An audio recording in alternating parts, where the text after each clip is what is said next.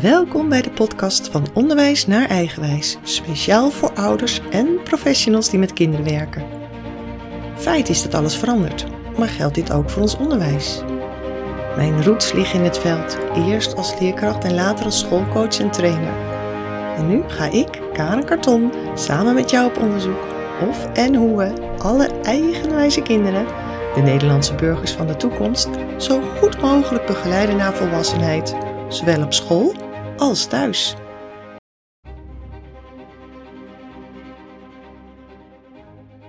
Deze aflevering gaat over doekracht, een van de vier invalshoeken van jouw krachtstroom, samen met je droom, gevoels- en denkkracht. Enkele andere woorden voor doen zijn bedrijven, beoefenen, bewerkstelligen, bezig, effectueren, flikken, handelen, maken, optreden, plegen, realiseren, uitrichten, uitvoeren, volbrengen, verrichten, vervullen en zich gedragen. Doekracht is de actiekracht van ons lichaam, werk in uitvoering, waarbij het daadwerkelijk manifesteren centraal staat. Mens sana in corpore sano is Latijn en betekent een gezonde geest in een gezond lichaam. En dit motto staat voor het ideaal van een levenskunstenaar, wat jij en ik in potentie zijn. Hoofd, schouders, knieën, teen, knieën, teen, hoofd. Ken je het oud-Hollandse bewegingsvestje? Door de bewegingen gaat het bloed en de energie weer volop stromen en verbindt op natuurlijke manier hoofd, hart en lichaam. En dit maakt de kinderen op school weer alert als ze een beetje ingeslapen lijken. Of als ze ongedurig zijn en hun lichaam juist naar beweging snakt. Ik scoorde nog steeds mee bij de kleuters. En zeker als ik met het tempo van zingen speel door te vertragen of juist flink te versnellen. Bewegend leren is voor veel doeners zeer welkom alles beter dan stil op je stoel zitten achter een tafeltje. Als leerkracht herken je ook meestal die kinderen wel die later een uitvoerend beroep kiezen. Ze zijn bewegelijk, onmiddellijk enthousiast als we iets gaan doen en worden het eerst ongeduldig bij een talige uitleg. Wanneer gaan we beginnen? Is de vraag waar je op kunt wachten, maar als leerkracht liever voorblijft. Die actiegerichte leerlingen start ook het liefst direct aan een opdracht en gooi je een gebruiksaanwijzing ook liever aan de kant om het via trial and error aan te pakken. Maar raken dan ook weer soms gefrustreerd als het dan complexer wordt. Bewegend leren gaat trouwens verder dan voor je lol springen de tafels op te zeggen of een bewegingsliedje in te zetten. Diverse onderzoeken tonen aan dat bewegen tijdens het leren een positieve invloed heeft op de hersenactiviteiten. Hierdoor concentreren kinderen zich beter en neemt hun taalgerichtheid toe. Een extra pluspunt is dat bewegen het zelfvertrouwen van de leerlingen versterkt. Bewegen is zorg voor jezelf op meerdere vlakken. Het is goed voor je brein en geheugen. Je lichaam blijft soepel en je conditie op peil. Lijfkracht door beweging houdt je spieren sterk. Wist je dat de richtlijn voor een kind qua minimale bewegingstijd een uur is en voor volwassenen een half uur per dag? Als doener of actieveling is in actie komen geen punt. Maar voor mensen met primair een andere voorkeur, zoals een dromer, denker of gevoelstype, kan dit wel een uitdaging vormen. Geef jezelf of de ander dan de tijd en ruimte, maar blijf doelbewust. Succesjes boeken is belangrijk en dat werkt best als de stappen klein en haalbaar zijn en motiveren. Je hoeft echt geen beleidsplan binnen een dag geschreven te hebben, toch?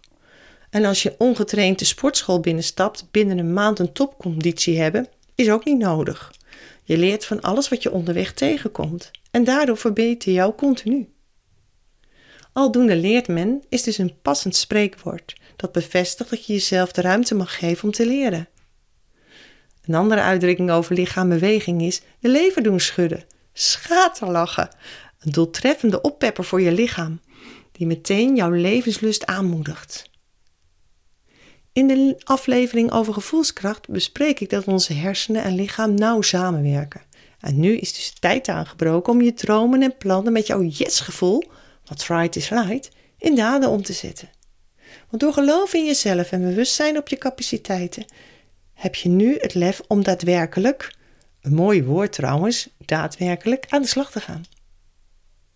Voor elke uitvoering van een plan of doel zijn motivatie, focus en discipline essentieel. Bij een sport is dat overduidelijk, want oefening baart kunst. Maar voor andere processen zoals rapporten schrijven of tafels leren geldt het net zo goed. Belangrijk is dat je jezelf de ruimte geeft om stapgewijs voortgang te boeken. Toch zit hier ook wel een kink in de kabel.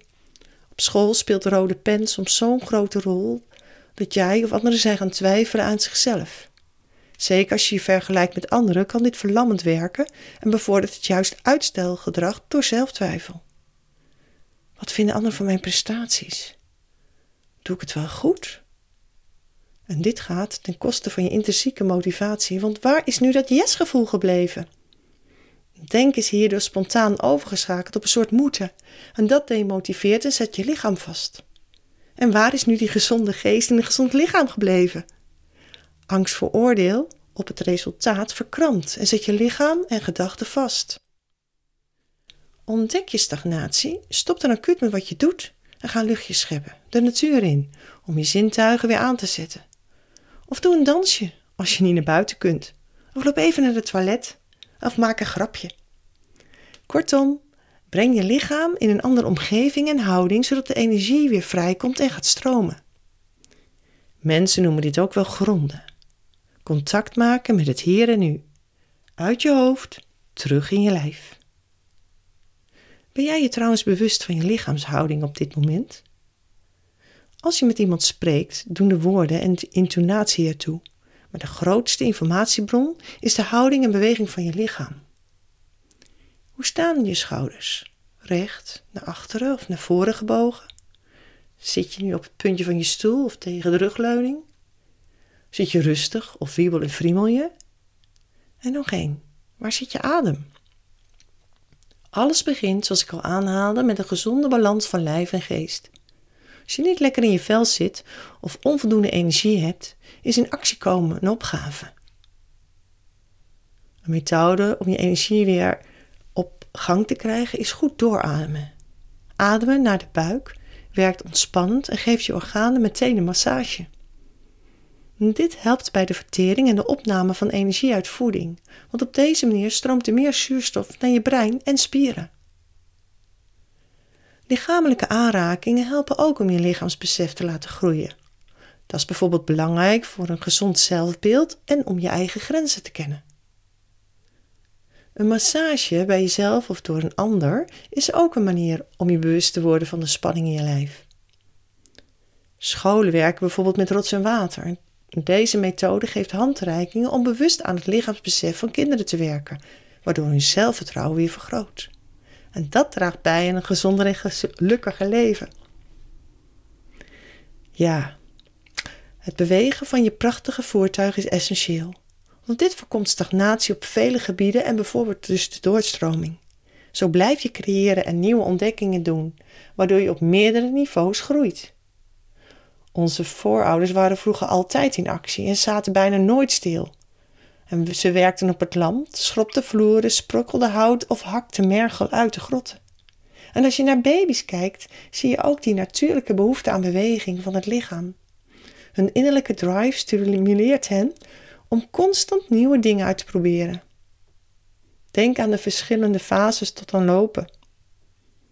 Van het leren bewegen tot het omrollen, via het kruipen op handen en knieën tot het staan. En dan plotseling, vaak voordat iemand het beseft, worden de eerste stapjes gezet. Stap, stap, boem, wordt lopen. Zelf doen, door je lijfkracht in te zetten. En dit proces gaat door tot we kinderen op school dwingen, heel subtiel door middel van groepsdruk, om een tijd achterin stil te zitten en slechts een pen in beweging te houden. Netjes wachten tot de klok aangeeft dat hun lichaam weer vrij mag bewegen. Vergelijk dan een gemiddelde Nederlandse school met de scholen in Finland. Daar investeren ze in de toekomst door leerlingen volop de ruimte te geven om zich te ontwikkelen door regelmatige afwisseling van bewuste lessen en vrije expressie. Tijd om spelen te ontdekken. Daar houden ze na elke les van 45 minuten een kwartier pauze. De gedachte is dat de kinderen daarna weer veel frisser zijn en zich beter kunnen concentreren tijdens die volgende les. Bovendien leren kinderen tijdens het spelen vele vaardigheden die belangrijk zijn voor een algemene ontwikkeling. Ik begon met het liedje hoofd, schouders, knieën, weet je nog?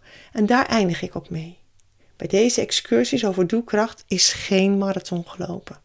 En toch hoop ik dat je in beweging komt en blijft, al is het maar door een dansje op een lekker nummer, en dat aan de kinderen doorgeeft.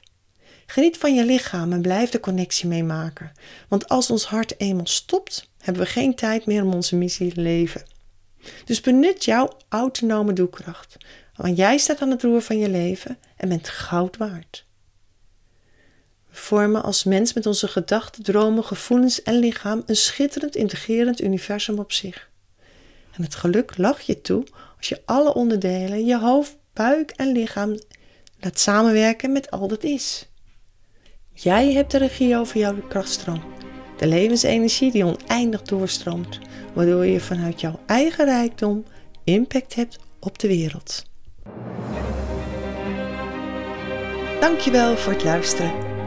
Als je nog een vraag hebt of wil reageren, stuur me dan een berichtje via karen.krachtstroom.nl Karen schrijf je met een E en krachtstroom schrijf je met de letters K, R en dan het cijfer 8. Staat voor de verbinding van hoofd, hart en buik. En dan stroom, zoals je het zegt. En ik zou het echt tof vinden als je me een like zou willen geven. Ik wens je een stromende dag vanuit jouw oneindige kracht. Veel geluk!